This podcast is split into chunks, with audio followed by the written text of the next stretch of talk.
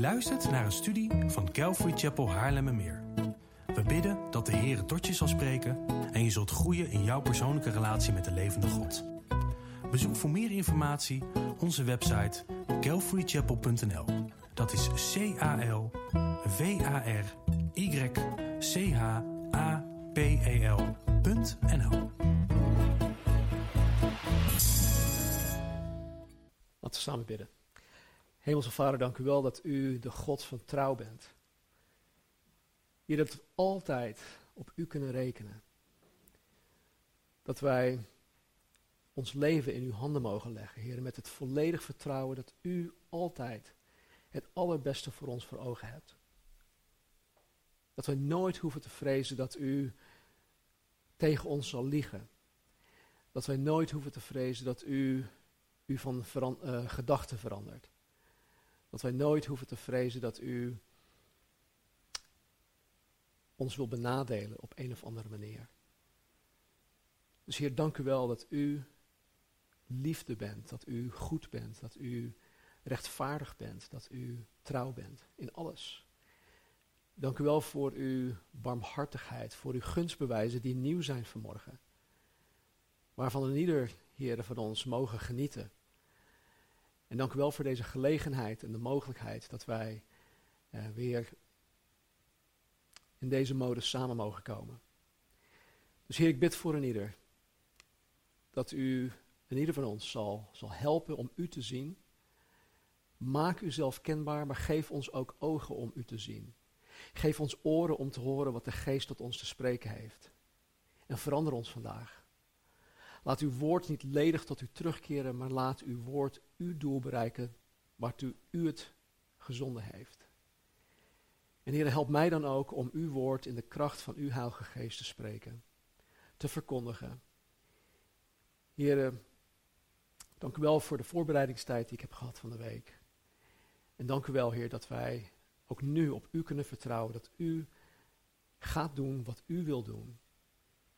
En dat u zal spreken door uw woord heen. Dus Heer, zegen in ieder, van de jongste tot de oudste.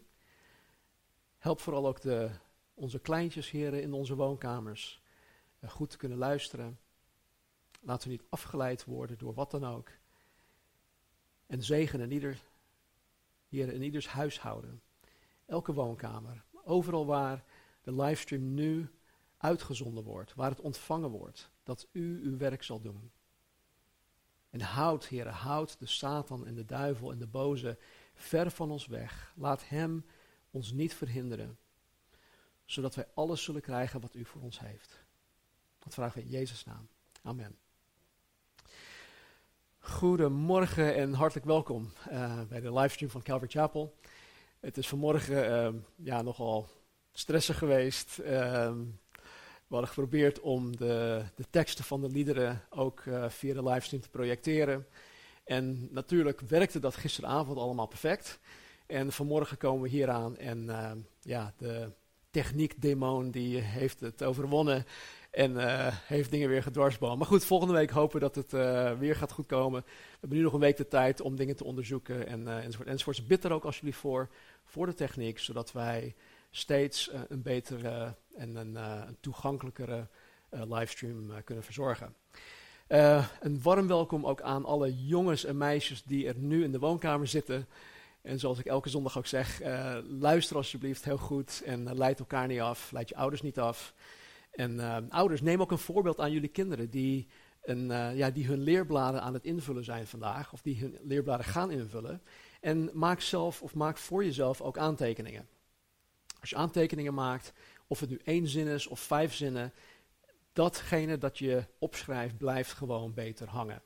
Dus mijn advies is om ook een voorbeeld aan jullie kinderen te nemen door zelf ook aantekeningen te maken. Nou, we gaan vanmorgen verder met de preekserie Route 66, waarin wij elk Bijbelboek in vogelvlucht met elkaar doornemen. Ten eerste om Jezus Christus erin te gaan ontdekken. Uh, ten tweede om um, de belangrijke les, levenslessen eruit te halen. En drie om Gods woord beter te leren kennen, zodat wij God beter gaan leren kennen. Waardoor ons geloof in God en ons vertrouwen op God steeds meer gaat groeien, zodat Jezus Christus steeds meer gestalte in ons gaat krijgen. Nou, Jesaja 40 vers 8 zegt, zegt, het gras verdort, de bloem valt af, maar het woord van onze God bestaat voor eeuwig. Psalm 119 vers 89 zegt, voor eeuwig, heren, staat uw woord vast in de hemel. Oftewel, voor eeuwig is Gods woord vastgelegd in de hemel. En weet je, als het daar vaststaat, als het in de hemel vastgelegd is, dan zal het ook voor altijd zo blijven. En Jezus zelf zegt, de hemel en de aarde zullen voorbij gaan, maar mijn woorden zullen zeker niet voorbij gaan. Wat wij dus elke zondag doen, wanneer wij het woord van God, de Bijbel, met elkaar openen, is investeren in het eeuwige. Uh, in datgene dat voor eeuwig in de hemel vastgesteld is. Wat voor eeuwig in de hemel zal blijven bestaan.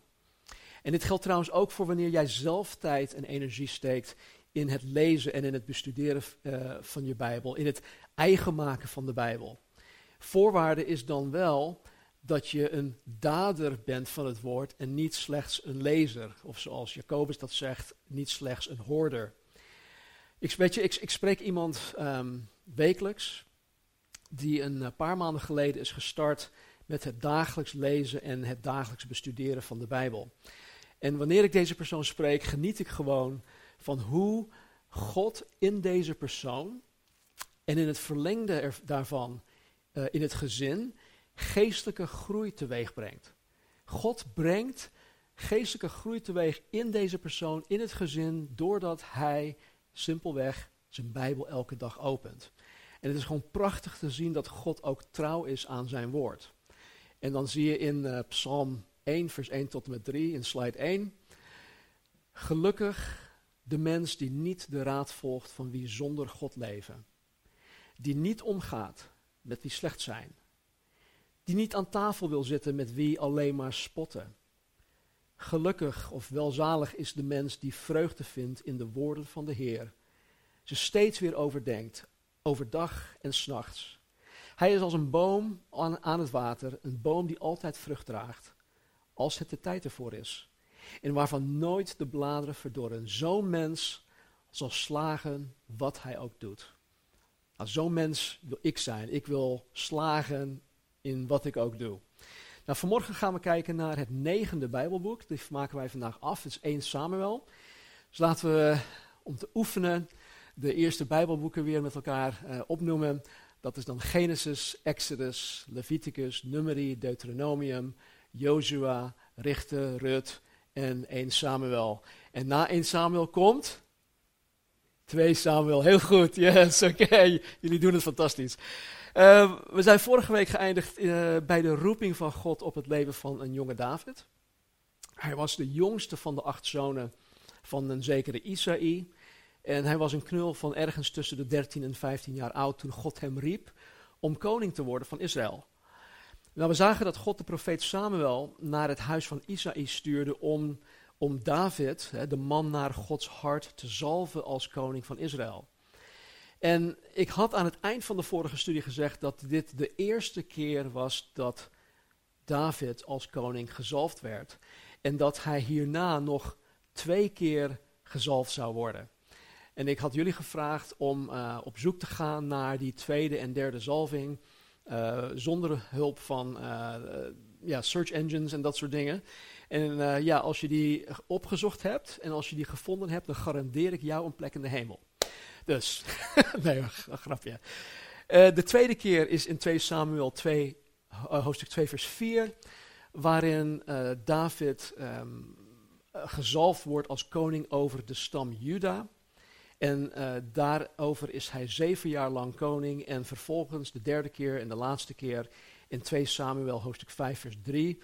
Dan wordt hij gezalfd over alle stammen van Israël, geheel Israël. En dan regeert hij over heel Israël voor zo'n 33 jaar. Dus Samuel zalft David hier in 1 Samuel 16 voor de eerste keer als de nieuwe koning van Israël. En de geest van de Heer, oftewel de Heilige Geest, kwam op David. En vanaf dat punt kwam Davids voorbereiding op het koningschap in een stroomversnelling. Maar vanaf dit punt, het punt dat hij gezalfd werd, duurde het nog zo'n 15 jaar voordat David koning David werd en de troon van Israël besteeg.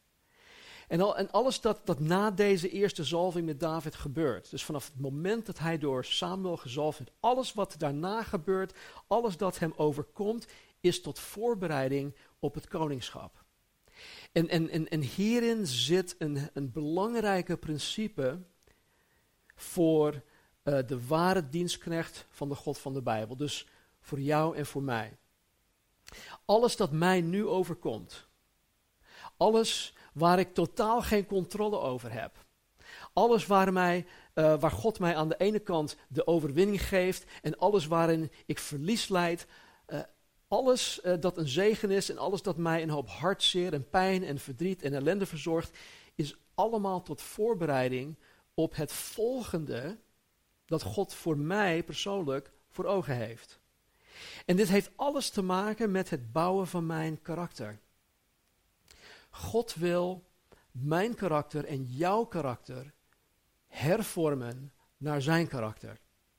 Gods doel met jou, met mij, is dat het karakter van Jezus Christus gestalte krijgt in ons, zodat wij, zoals Jezus, een bruikbaar instrument voor God zullen zijn.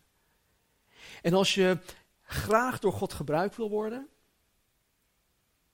dan zal dat altijd gepaard gaan met het hervormen van je karakter.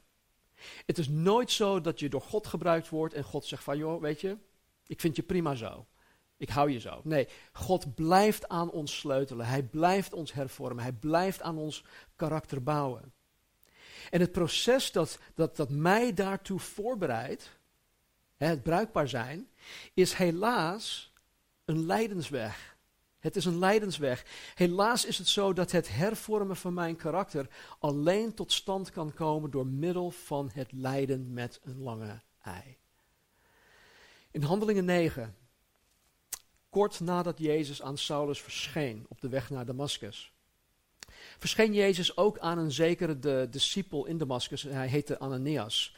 En deze Ananias kreeg van God de instructies om Saulus op te gaan zoeken om voor Saulus te bidden, om de handen op te leggen en uh, om hem te dopen enzovoort.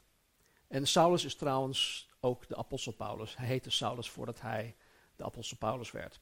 En terwijl deze Ananias met Jezus aan het praten was, zei Jezus op een gegeven moment dit. In Handelingen 9, vers 15 en 16. Ga naar Saulus toe, want deze is voor mij een uitverkoren instrument om mijn naam te brengen naar de heidenen en de koningen en de Israëlieten. Want ik, Jezus, zal hem laten zien hoeveel hij moet lijden voor mijn naam. Om het karakter van de apostel Paulus te hervormen naar Gods karakter. En om hem bruikbaar te houden, moest Paulus gewoon veel lijden. Het hield hem nederig, het hield hem klein. En, en ondanks dat hij het evangelie mocht prediken voor koningen. Weet je, ik kan me voorstellen dat, stel dat ik nu een, een bediening krijg waarin ik uh, met, met, met uh, minister-president of met, met koning of met wie dan ook ineens rond de tafel mag gaan zitten. Nou, dan waarschijnlijk krijg ik zo'n hoofd. Weet je, maar, maar God weet precies wat ik nodig heb om mij nederig en klein te houden. En dat doet Hij door middel van het proces van lijden. En zo mogen wij ook delen in het lijden van Jezus Christus. In Filippenzen 1, vers 29 en 30 staat dit. Dezelfde Paulus die nu aan de kerk in, in Filippi schrijft. Hij zegt, aan u is het uit genade gegeven in de zaak van Christus niet alleen in hem te geloven, maar ook voor hem te lijden.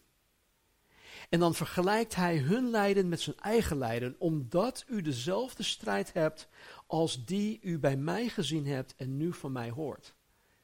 Dus Paulus zit in hetzelfde schuitje als de gelovigen in Filippi en wij zitten ook allemaal in hetzelfde schuitje.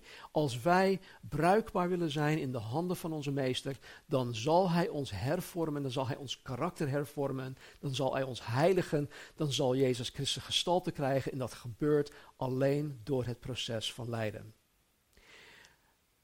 Dat de ware dienstknecht van God zal lijden omwille van Jezus' naam is een bijbels gegeven. Ik weet dat dat geen populaire boodschap is. Het, er wordt weinig over gepredikt. Maar het is een bijbels gegeven. En de vraag is, hoe ga je hier praktisch mee om? Hoe ga je er praktisch mee om? Hoe moet je het zien? Nou, Petrus geeft ons daarin ook een prachtig voorbeeld. Hij, zei, hij zegt ehm, in 1 Petrus hoofdstuk 4 vers 19, slide 4. Laten ook zij die lijden naar de wil van God, hun zielen aan Hem als de getrouwe schepper toevertrouwen in het doen van het goede. Dus wanneer je lijdt omwille van Christus, omwille van het hervormen van je karakter, omwille van het bruikbaar voor God worden en bruikbaar blijven, dan moet je jezelf geheel aan de getrouwe schepper toevertrouwen. En je doet het hierdoor door het goede, door het juiste te blijven doen. Kijk, wij mensen, mens eigen, is om juist wanneer het moeilijk is, om het tegenovergestelde te gaan doen. Sommigen van ons die, die, die lopen te vloeken en te tieren, die worden boos, die gaan met dingen smijten en noem maar op. Die, die maken ruzie met hun vrouwen en met hun kinderen, omdat alles tegenzit, omdat zij moeten lijden. Maar David niet. En God wil dat wij het tegenovergestelde doen. Eh, het, het, het goede doen. Het juiste doen. Jezelf geheel aan de getrouwe schepper toevertrouwen door het goede te blijven doen. En wat ik zei, dit is precies wat wij in het leven van David ook zullen gaan zien. Goed, ehm, vanaf hoofdstuk 16. Direct nadat de profeet Samuel uh, David gezalfd had,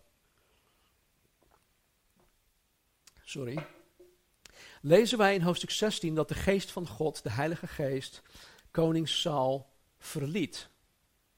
Dus de geest van God komt op David als jongetje. En tegelijkertijd verliet de geest van God koning Saul. Sterker nog, de Heere stuurde een boze geest naar Saul toe om Saul te kwellen. Er staat dit in 1 Samuel 16, 14. De geest van de Heere was van Saul geweken. En een boze geest bij de Heere vandaan joeg hem angst aan.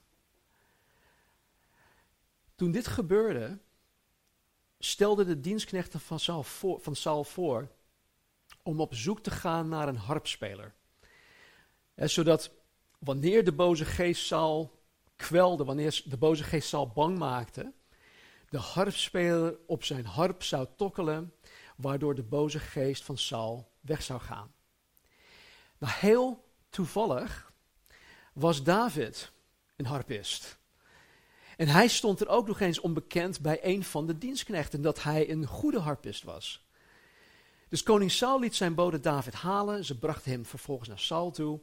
En Saul zag in David heel veel groeipotentieel. Dus hij nam David in dienst, eh, ten eerste als harpist, vervolgens als stagiair, eh, als wapendrager. En hij diende koning Saul, David diende koning Saul in zijn paleis. Of in zijn huis. En er staat er in 1 Samuel 16, 23 dit, slide 6. En telkens wanneer de boze geest van God over Saul kwam, gebeurde het dat David de harp nam en erop tokkelde. Voor Saul was dat dan een verademing. Het ging beter met hem en de boze geest week van hem. Kijk, ik, ik wil niet ubergeestelijk zijn, hè, maar als jij door onze vijand gekweld wordt in je gedachten of in je emoties, zelfs misschien ook lichamelijk, en als je op zo'n moment je Bijbel niet kan openslaan, zet wat um, Bijbels verantwoord lofprijs en aanbiddingsmuziek op of aan. Je zal merken dat wanneer, ehm, wanneer jij je focus, hè, door middel van het muziek en de Bijbelse teksten van de liederen, wanneer jij je focus op God gaat richten, dat je rust en vrede in je hoofd en in je hart zal gaan krijgen. En, en ik, ik, weet niet hoe dat werkt, maar het, het verlegt de focus van onze omstandigheden, van die rare gedachten, van, die, van het gekweld worden door uh, rare gedachten. Het, het, het verlegt de focus weer op het juiste, op God. En aanbidding doet de uh, aanbidding van God, uh, de God van de Bijbel, aanbidding van God van de Bijbel, dat doet de vijand ook wijken. Nou, eenmaal bij koning Saul in dienst, krijgt jonge David steeds meer verantwoordelijkheid. Maar tegelijkertijd uh, hoedt David nog steeds de schapen van zijn vader Isaïe. Dus hij zit op beide plekken. En op een gegeven moment wordt koning Saul en het Israëlisch leger uitgedaagd door een zekere Filistijn die Goliath heette. Hij was een echte reus. Hij was drie meter lang. Zijn borstharnas woog zo'n 50 kilo. 50 kilo. En zijn speer was als een weversboom met een punt dat zo'n 7 kilo woog. Nou, ik, denk, ik, ik, durf te zeggen dat jij en ik, ja, misschien Romeo of Mike, die speer wel zouden kunnen gooien, maar uh, ik in ieder geval niet. een weversboom met een punt dat 7 kilo woog. Grof geschud uit die tijd. Nou, deze Goliath was super intimiderend. Hij was bedreigend, waardoor koning Saul en zijn leger beefden van de angst. Goliath vroeg spottend om een tegenstander uit het Israëlisch leger die één tegen één met hem zou vechten tot de dood. Deze Goliath was er voor 100% zeker, zeker van dat hij dit gevecht zou winnen. Nou, nu zaten de drie oudste broers van David in het leger van Saul. En terwijl David uh, thuis was bij zijn vader, vroeg zijn vader Isaïe aan hem om wat eten naar zijn broers toe te brengen en om, tegelijk, om gelijk uh, ja, te kijken hoe het met zijn broers gaat. Om het weer terug te, uh, terug te melden bij zijn vader. Dus toen David daar naartoe ging en met zijn broers sprak, kwam Goliath ineens weer tevoorschijn. En David hoorde zijn bedreigingen richting Israël. Toen de broers van David en de rest van het leger Goliath zagen en hoorden, vluchtten ze allemaal omdat ze bang van hem waren. Het Israëlisch leger, onder de leiding van de, de ongelovige en de aan God ongehoorzame Saul, koning Saul, had hun ogen puur gericht op de onmogelijkheid van hun situatie. Het enige dat zij zagen was een onwinbare strijd. Maar David keek, sorry, door andere ogen. David keek door gelovige ogen en hij reageerde er totaal anders op. En dan staat er in 1 Samuel 17 dit.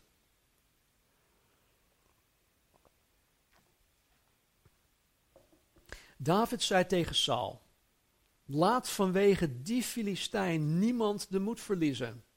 Uw dienaar zal met hem gaan vechten. Saul zei tegen David: Jij kunt toch niet met die Filistijn gaan vechten? Je bent nog maar een knaap en hij is een vechtersbaas vanaf zijn jonge jaren. Maar David zei tegen Saul: Toen uw dienaar de schapen van zijn vader hoedde, kwam er soms een leeuw of een beer die een schaap uit de kudde roofde. Dan ging ik achter dat dier aan, sloeg het neer en redde het schaap uit zijn muil. En viel, het dier en viel het dier mij aan, dan greep ik het bij zijn baard en sloeg ik het dood. Leeuwen en beren heeft uw dienaar neergeslagen. Die onbesneden Filistijn zal hetzelfde lot ondergaan, omdat hij de gelederen van de levende God durft uit te dagen. De Heere die mij gered heeft uit de klauwen van leeuwen en beren, zei David, zal mij ook redden uit de handen van die Filistijn. En daarop zei Saul tegen David, ga en mogen de Heere met je zijn.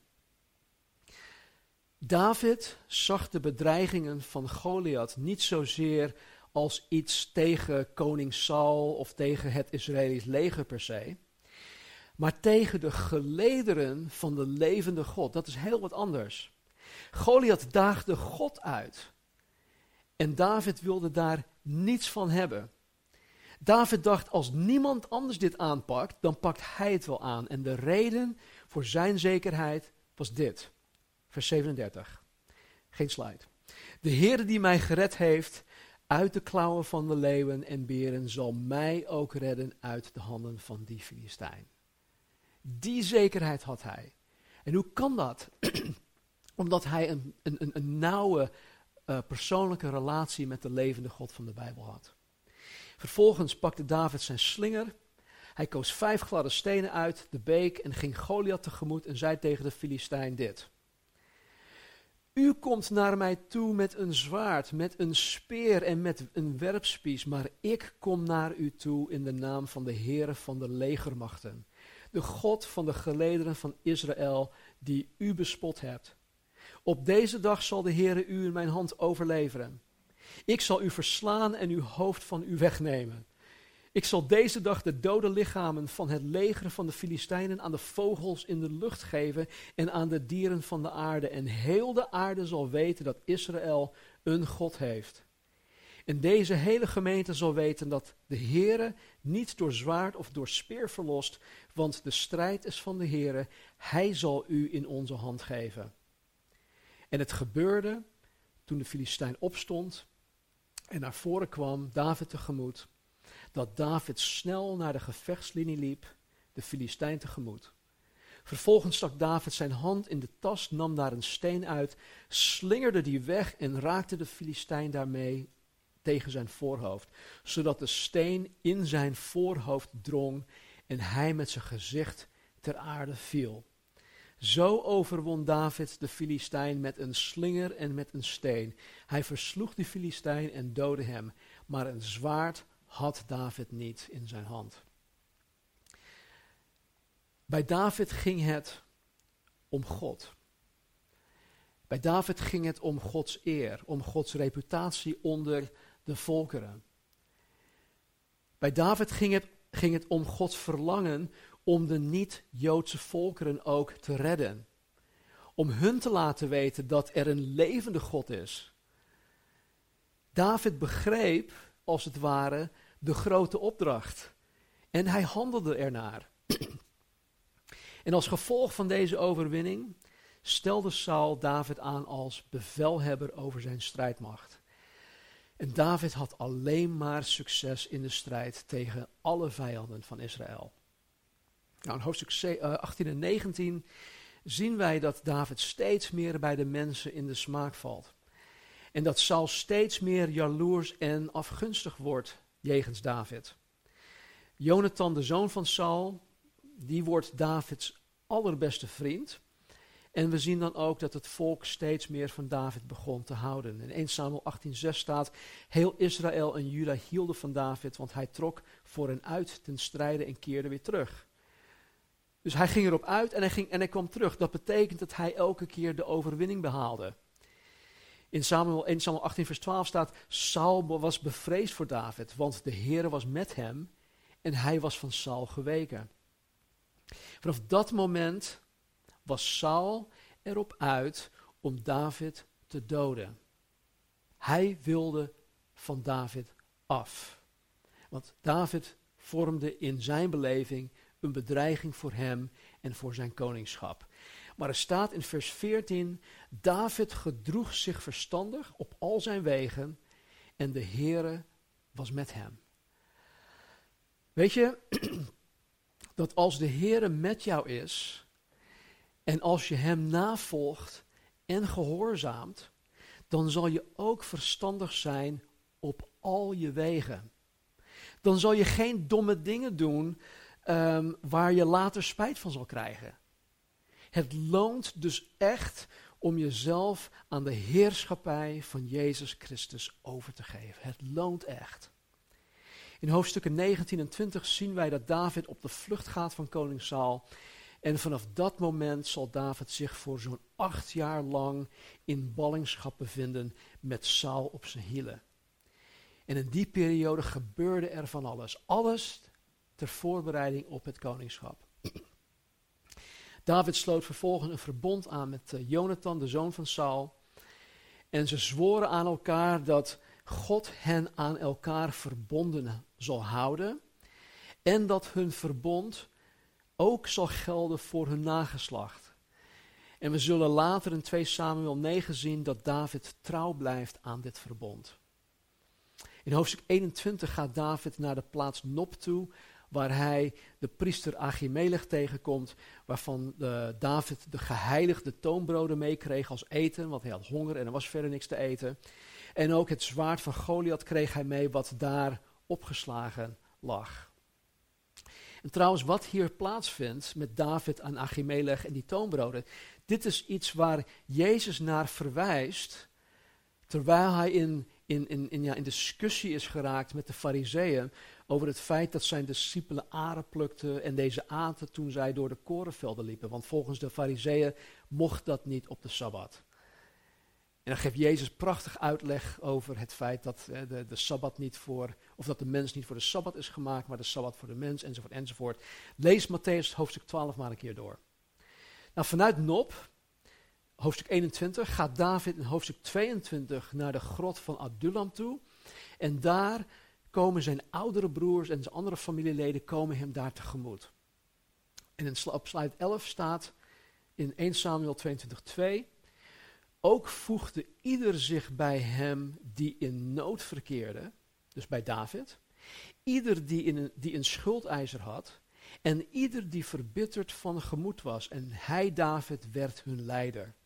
Zodat er ongeveer 400 mannen bij hem waren. In, in, in dit stuk, dit schriftgedeelte, in wat hier gebeurde, is David duidelijk een typebeeld van Jezus Christus.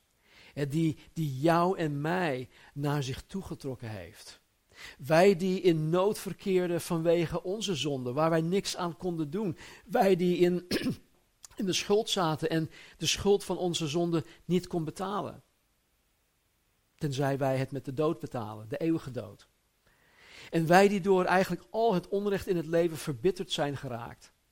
Jezus heeft ons voor eeuwig gered, zoals David deze mannen tijdelijk uit hun ellende heeft gered. Dus David is echt een typebeeld van Jezus Christus. In hoofdstuk 24 en 26 krijgt David tot twee keer toe de uitgelezen kans om Saul, die hem wil doden, om hem om te brengen. Maar hier zien wij het karakter van David. Hier zien wij uh, Davids onwrikbaar vertrouwen op de Here.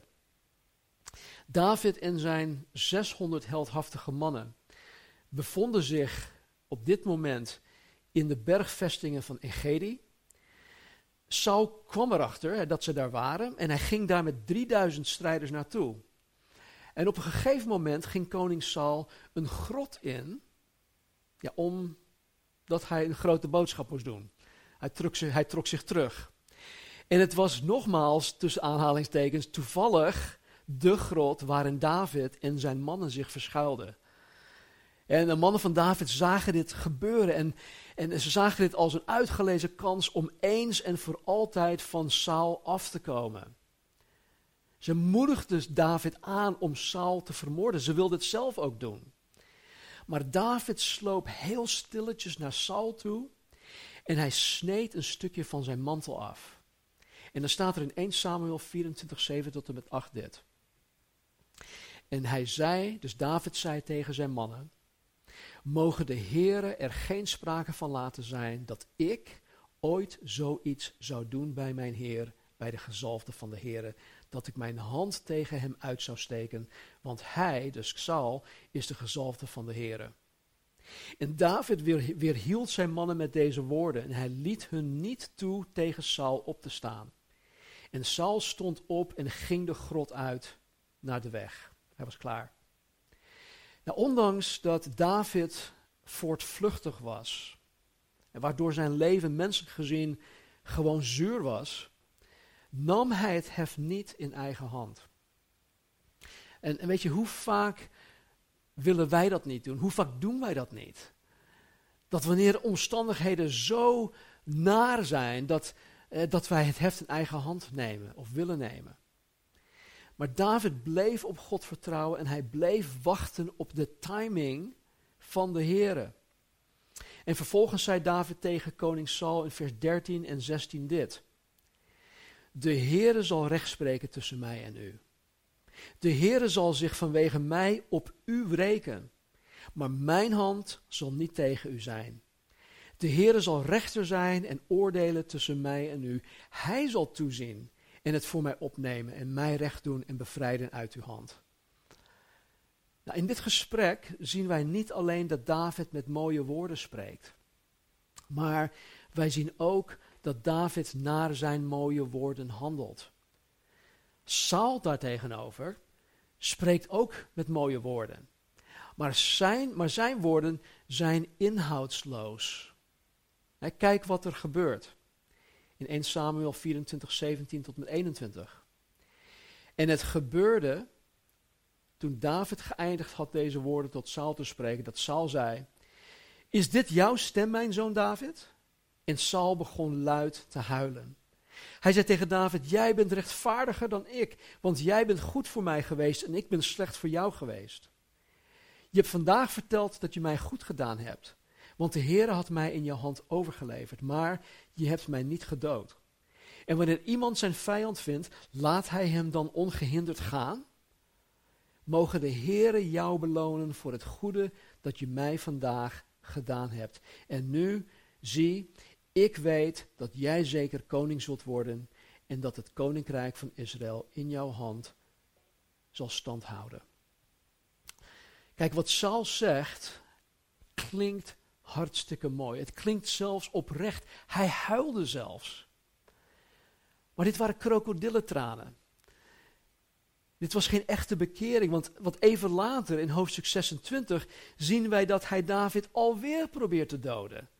Zelfs na deze mooie woorden, zelfs na deze tranen. Nou, in hoofdstuk 25 komt de profeet Samuel te overlijden. Hij werd um, in, in Rama bij zijn huis begraven. In 25, hoofdstuk 25 zien wij ook een prachtig verhaal over een, een zeer wijze vrouw. Die heet Abig, um, Abigail, denk ik in het Nederlands. Abigail. En, en zij heeft door haar wijsheid, dus een, bijna een heel hoofdstuk aan, aan, aan, aan gewijd. Maar zij heeft door haar wijsheid een gigantisch bloedbad weten te voorkomen. En David was zo onder de indruk van deze vrouw, ze was overigens ook mooi wat er in het, verhaal staat, dat hij haar als vrouw nam. Nou, vervolgens in hoofdstuk 26 gaat Saul wederom achter David aan om hem te doden. Maar David komt te weten dat Saul en zijn troepen in de buurt waren. Dus hij had wat inside info. En toen David precies wist waar Saul en zijn leger hun kamp opsloegen, en toen zij inmiddels, het was nacht, toen ze sliepen, sloop David met een zekere Abisai het legerkamp binnen. En zij vonden koning Saul en, en, en, en, ehm, ehm, en, en Abner, de, de bevelhebber van het leger, ze vonden hun en ze waren aan het slapen. En Abisai zei tegen David dat God zijn vijand Saul in zijn hand overgeleverd had. En Abisai, ik zie het helemaal voor me, wilde met de speer van Saul, dus met zijn eigen speer, Saul aan de grond spietsen. En maar wederom weigerde David om Saul om te brengen. En dan staat er in 1 Samuel 26, 9 tot en met 11 dit. David zei echter tegen Abisai, breng hem niet om, want wie sloeg zijn hand aan de gezalfde van de Heer en is onschuldig gebleven? Niemand. Verder zei David, zo waar de Heere leeft, voorzeker de Heere zal hem treffen. Of zijn dag komt dat hij sterft, of hij wordt weggevaagd als hij ten strijde trekt. Mogen de Heere er geen sprake van laten zijn dat ik mijn hand sla aan de gezalfde van de Heere. Neem echter wel de speer mee die bij zijn hoofdeinde staat en de waterkruik en laten we gaan. Dus David toont hier alweer zijn goddelijk karakter in zijn onwrikbaar vertrouwen op de Heer.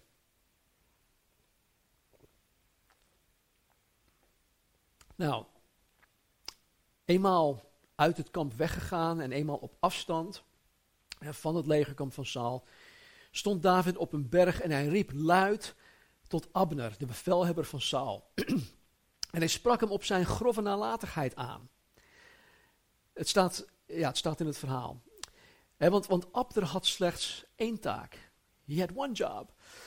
Um, en die taak was om, om Saul te beschermen. En hij was daarin nalatig, want David en, en, en Abisai die, die slopen gewoon het kamp in. En zij konden koning Saul daar gewoon ter plekke doden. Zonder dat Abner het wist. Zonder dat hij hem beschermde. Nou, vervolgens sprak David ook Saul toe en liet hem de speer en de waterkruik van Saul zien als bewijs dat hij wederom de gelegenheid had om Saul om te brengen, maar dat hij het niet heeft gedaan. Dat hij Saul heeft gespaard. En Saul antwoordt David wederom met veel mooie woorden. In hoofdstuk 27 zien wij dat David denkt dat Saul hem op een zekere dag nog zal wegvagen. Dus wat doet David? Hij besluit om, zich aan, uh, om, naar de Filistijnen toe te gaan en om um, zich aan te sluiten bij een zekere koning Agis van de Filistijnen, om samen met hem eh, met hun ja, de, de oorlogen aan te gaan. En er staat dat David en zijn 600 mannen 16 maanden lang samen met de Filistijnen oorlog voerden tegen hun vijanden. Hoofdstuk 28 is echt het meest bizarre en ook het, in, mijn, mijn optiek het trieste hoofdstuk in het boek. We lezen dat Saul wederom oorlog voert tegen de Filistijnen. Dat, dat is een voortdurende strijd. En toen Saul op een gegeven moment het leger van de Filistijnen zag, werd hij doodsbang. Er staat dat hij letterlijk beefde van de angst. En hij wist op dat moment gewoon geen raad. Hij wist niet wat hij moest doen. Dus Saul raadpleegde de Heere, maar de Heere gaf Saul totaal geen antwoord. Niente, niks. Saul was dus radeloos en hij was wanhopig omdat hij niet wist wat hij militair moest doen. Hij als de leider van heel Israël. Dus wat doet Saul? Hij gaat naar een waarzegster toe. Een dodenbezweerster. Iemand die zogenaamd met de doden kan spreken. En hij vraagt deze vrouw om de reeds overleden Samuel op te roepen uit de dood, zodat Saul deze Samuel om raad kon vragen. Nou, toen, toen deze waarzegster um, Samuel zag, staat er, zij schreeuwde met een luide stem. Ze schrok, ze schrok zich dood dat ze Samuel zag. En het was maar hoogstwaarschijnlijk omdat zij nooit eerder een echte geest van een overledene had gezien. En want dit kan helemaal niet. Ik geloof dat dit een eenmalig iets is geweest dat ook verder nooit ehm, terugkomt in zowel het Oude als het Nieuw Testament. Maar goed, Samuel komt tevoorschijn en is zelfs als dode man niet blij met Saul, omdat Saul wederom gewoon fout bezig is. Dus in het leven en in de dood is Samuel gewoon niet blij met Saul. En er staat er in 1 Samuel 28 tot, uh, 15 tot en met 18 dit. Um, Samuel, uh, Saul spreekt hier. Ik ben in grote nood, want de Filistijnen strijden tegen mij en God is van mij weggegaan. Hij antwoordt mij niet meer, niet door de dienst van de profeten en ook niet door dromen. Daarom heb ik u geroepen om mij te laten weten wat ik moet doen. En toen zei Samuel, waarom raadpleegt u mij dan als de Heere van u weggegaan is en uw vijand geworden is? Oeh. Want de Heer heeft gedaan zoals hij door mijn dienst gesproken heeft. Dus zoals hij door uh, de profeet Samuel gesproken heeft. Hij heeft het koninkrijk van uw hand gescheurd en dat aan uw naaste gegeven aan David. Omdat u niet naar de stem van de Heer geluisterd hebt en zijn brandende toorn niet uitgevoerd hebt tegen Amalek. Daarom heeft de Heer u dit heden aangedaan. Het meest gruwelijke in dit stuk is dat Samuel zegt dat de Heere Saul verlaten heeft en dat hij Sauls vijand geworden is. Niemand, maar dan ook niemand, wil God, de levende God van de Bijbel, als vijand hebben. Niemand wil God als vijand hebben. De apostel Paulus schrijft in Romeinen 5 dat iedere ongelovige een vijand van God is. Maar dat Jezus zelfs voor ons aan het kruis gestorven is, terwijl wij nog vijanden van God waren. Dat is de blijde boodschap, dat is het evangelie. Ondanks dat ik een vijand van God was, ondanks dat God mijn vijand was, door mijn zonde, is Jezus Christus aan het kruis voor mijn zonde gestorven, waardoor ik nu verzoend ben met God de Vader. Wat een genade. Wij die in Christus zijn, hoeven dus nooit meer bang te zijn dat God onze vijand wordt. God zal, mijn, zal nooit meer mijn vijand worden. Maar er staat in Jacobus 4, vers 6 en in 1 Petrus 5, 5 wel dat God zich tegen de hoogmoedigen keert. Er staat, hij, hij schenkt genade aan de, uh, de nederigen, maar hij keert zich tegen de hoogmoedigen. En het, keren, eh, het zich keren tegen uh, betekent dat als, als jij je door hoogmoedigheid blijft afkeren van het geopenbaarde woord van God, hè, dus wat er in de Bijbel staat, dan zal er een moment komen dat God zich tegen jou zal keren. Ik heb geen flauw idee wanneer de maat bij God vol is. Alleen Hij weet dat, alleen Hij kan daarover oordelen.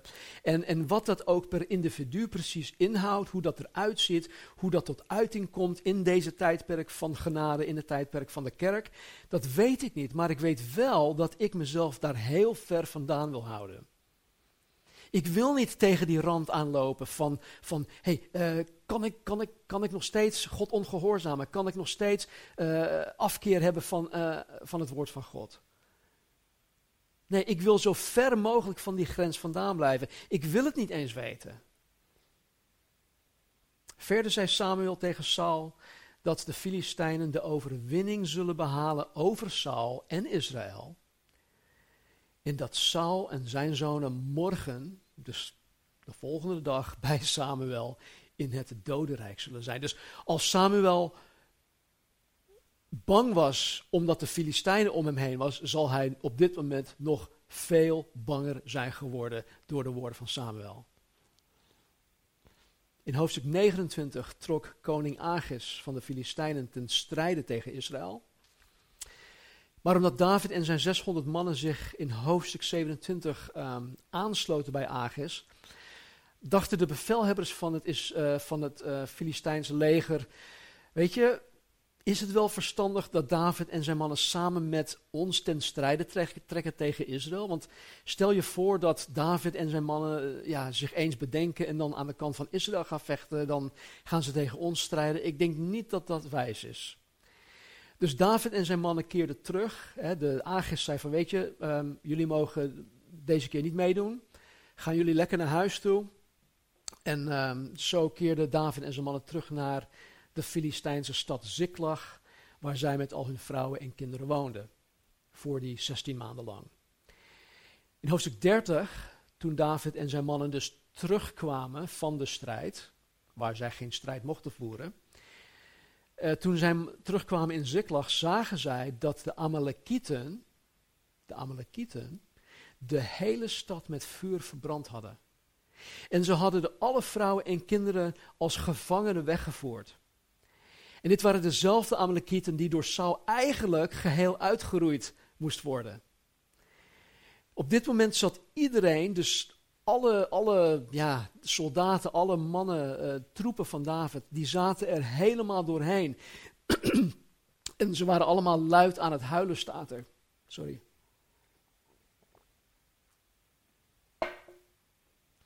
Dus ze zaten er doorheen, ze waren luid aan het huilen. En op een gegeven moment gebeurt dit. 1 Samuel 30, vers 6, slide 18. David werd zeer benauwd. Want het volk sprak erover hem te stenigen. De zielen van het hele volk waren namelijk verbitterd, ieder over zijn zonen en over zijn dochters. David echter sterkte zich in de Heere zijn God. Kijk, op dat moment, ik kan me dat heel goed voorstellen, David werd zeer benauwd. Op dat moment kon David bij niemand terecht. Hij kon bij niemand terecht. Niemand. Dus David sterkte zich in de Heere zijn God. En weet je, dit is iets dat elke wedergeboren christen moet leren te doen. Want alhoewel het lichaam van Christus er is, hè, voor elkaar, wij zijn er voor elkaar, om elkaar te helpen, elkaar te bemoedigen, elkaar te troosten, hè, onze broers en zussen. Er zullen momenten in ons leven zijn waarin niemand ons zou kunnen helpen. Niemand. Alleen de Heere. En dit geldt vooral voor voorgangers. En gelukkig komt dit niet al te vaak voor, maar wanneer je jezelf in zo'n situatie bevindt, dan is het levensbelangrijk dat je weet hoe jij jezelf moet sterken in de Heere. En ik ga in herhaling. Het begint bij het eigen maken van het woord van God, de Bijbel. Daar begint het bij. David zocht de Heere en de Heere zei tegen David dat hij de Amalekieten moest achtervolgen en dat God alles zou gaan herstellen. Uiteindelijk brachten David en zijn mannen hun vrouwen en kinderen terug. Er staat dat niets ontbrak. Er staat zelfs dat zij veel buit van de Amalekieten meenamen. Dus hun einde was eigenlijk beter dan hun begin. Hoofdstuk 31 is ook een heel triest hoofdstuk. Saul en Israël waren in strijd gewikkeld met de Filistijnen. En de Filistijnen doden veel Israëlieten op de gebergte Gilboa. Of op het gebergte Gilboa. Waaronder de zonen van Saul. Het is ook Jonathan, de allerbeste vriend van David. En ook Saul werd door de boogschutters getroffen. En toen dit gebeurde, zei Saul tegen zijn wapendrager om hem te doden, zodat de, de onbesneden Filistijnen niet met de eer zouden strijken dat zij de koning van Israël hebben gedood en hem of met hem de spot zouden, zouden drijven. Zij vroeg aan zijn wapendrager, maak mij alsjeblieft dood, dood mij nu, voordat zij eraan komen. Maar de wapendrager weigerde om koning, om Saul te doden. Dus wat doet Saul? Saul viel op zijn eigen zwaard. Hij pleegde gewoon zelfmoord. En dan staat er dit in 1 Samuel 31:6, de laatste slide. Zo stierven Saul, zijn drie zonen, zijn wapendrager en al zijn mannen tegelijk op die dag. En zo eindigt het boek 1 Samuel. Alles dat David in zijn leven meemaakte, was ter voorbereiding op dat volgende ding dat God voor David voor ogen had. Zijn leven als een herdersjongen bereidde hem voor om een goede herder te zijn voor Gods volk. En het bereidde hem voor om Goliath te verslaan. Zijn rol als stagiair in het koninkrijk, of in het, in het koninklijk huis van Saul, bereidde hem voor op zijn eh, toekomstig koningschap. Zijn rol als aanbiddingsleider in het koninklijk huis van Saul bereidde hem voor om zoveel prachtige psalmen te schrijven. Davids ballingschap en voortvluchtigheid van bijna tien jaar lang vormde zijn karakter, zodat hij steeds meer een man naar Gods hart werd. Hij kreeg steeds meer Gods karakter. Dus tot slot wil ik jou vragen, hoe zie jij jouw leven? Hoe zie jij jouw leven? Zie jij dat wat in het verleden gebeurd is, zie je dat dat bijgedragen heeft in het vormen van jouw karakter? Zie jij het als het voorbereidend werk van God voor waar je, voor waar je nu bent? Zie je je huidige situatie als het voorbereidend werk van God in jouw leven voor het volgende dat God voor jou voor ogen heeft? Ik hoop het wel. En want dan, dan kan je jezelf berusten in het feit dat de soevereine God van de Bijbel alles in jouw leven onder controle heeft. En dat, dat geeft rust. Dat geeft rust en vrede in je hart. Het geeft rust die alle verstand te boven gaat. Zelfs in tijden van een crisis zoals deze. Nou, ik had gehoopt dat wij een aantal hoofdstukken van uh, 2 Samuel nog met elkaar konden doornemen om in ieder geval de successen van David af te kunnen sluiten. Maar ik pak het aanstaande zondag op. Wij vieren aanstaande zondag ook het heilig avondmaal. Uh, dat past ook heel goed bij, um, bij uh, 2 Samuel vanaf hoofdstuk 11 tot en met het einde.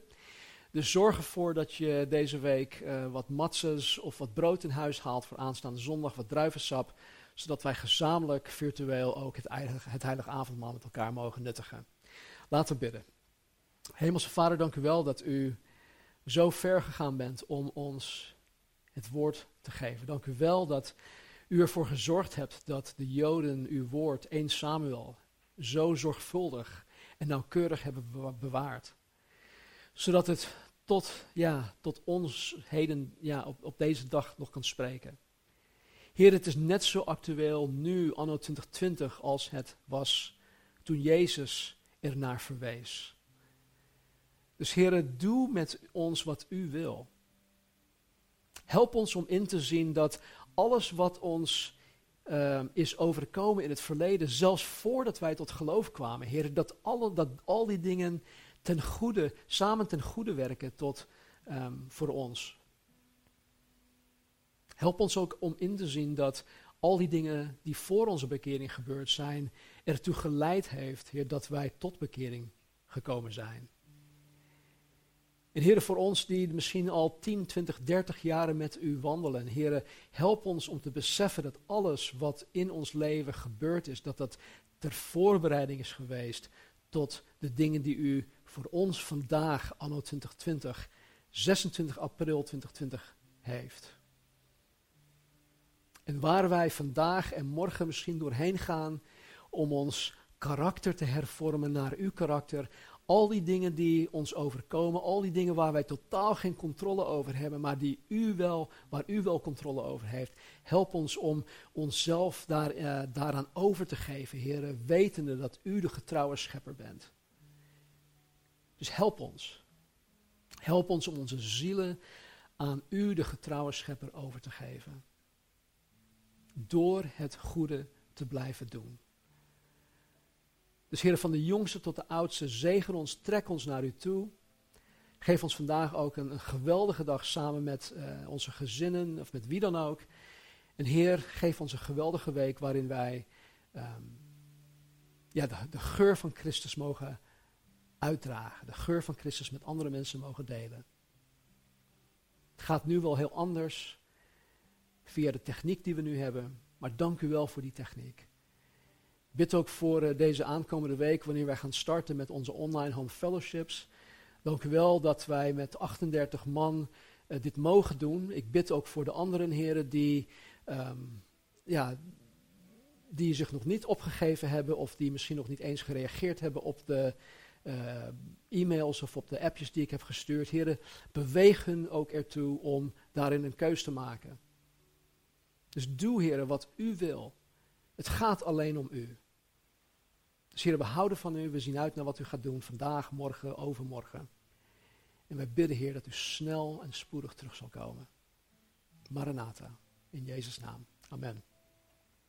De André die gaat afsluiten met een slotlied. Het is een prachtig lied uh, van, uh, ik denk dat, het, dat Steve Green het ooit heeft geschreven. Maar het, gaat, het is gebaseerd op um, Filippenzen 1 vers 6. Hij die een goed werk in ons begonnen is, zal het tot voleinding brengen. En ik vind het heel passend, omdat juist alles wat, ons, wat in ons leven gebeurd is, is door God geregisseerd. En hij die dat goed werk in ons begonnen is, zal het tot voleinding brengen. Dus he who began a good work in us shall be faithful to complete it. We afsluiten met deze vers. Efeze 2, vers 8 tot en met 10 staat niet op de slide. Want uit genade bent u zalig geworden. Door het geloof. En dat niet uit u. Het is de gave van God. Niet uitwerken opdat niemand zou roemen. Want wij zijn zijn maaksel. Geschapen in Christus Jezus om goede werken te doen. Die God van tevoren bereid heeft. Opdat wij daarin zouden wandelen. God heeft nu al de volgende stap voor jou voor ogen. Dus geef jezelf gewoon geheel over aan Hem. Laat God zijn ding doen ter voorbereiding op het volgende dat God voor jou heeft. Gezegende week. Amen.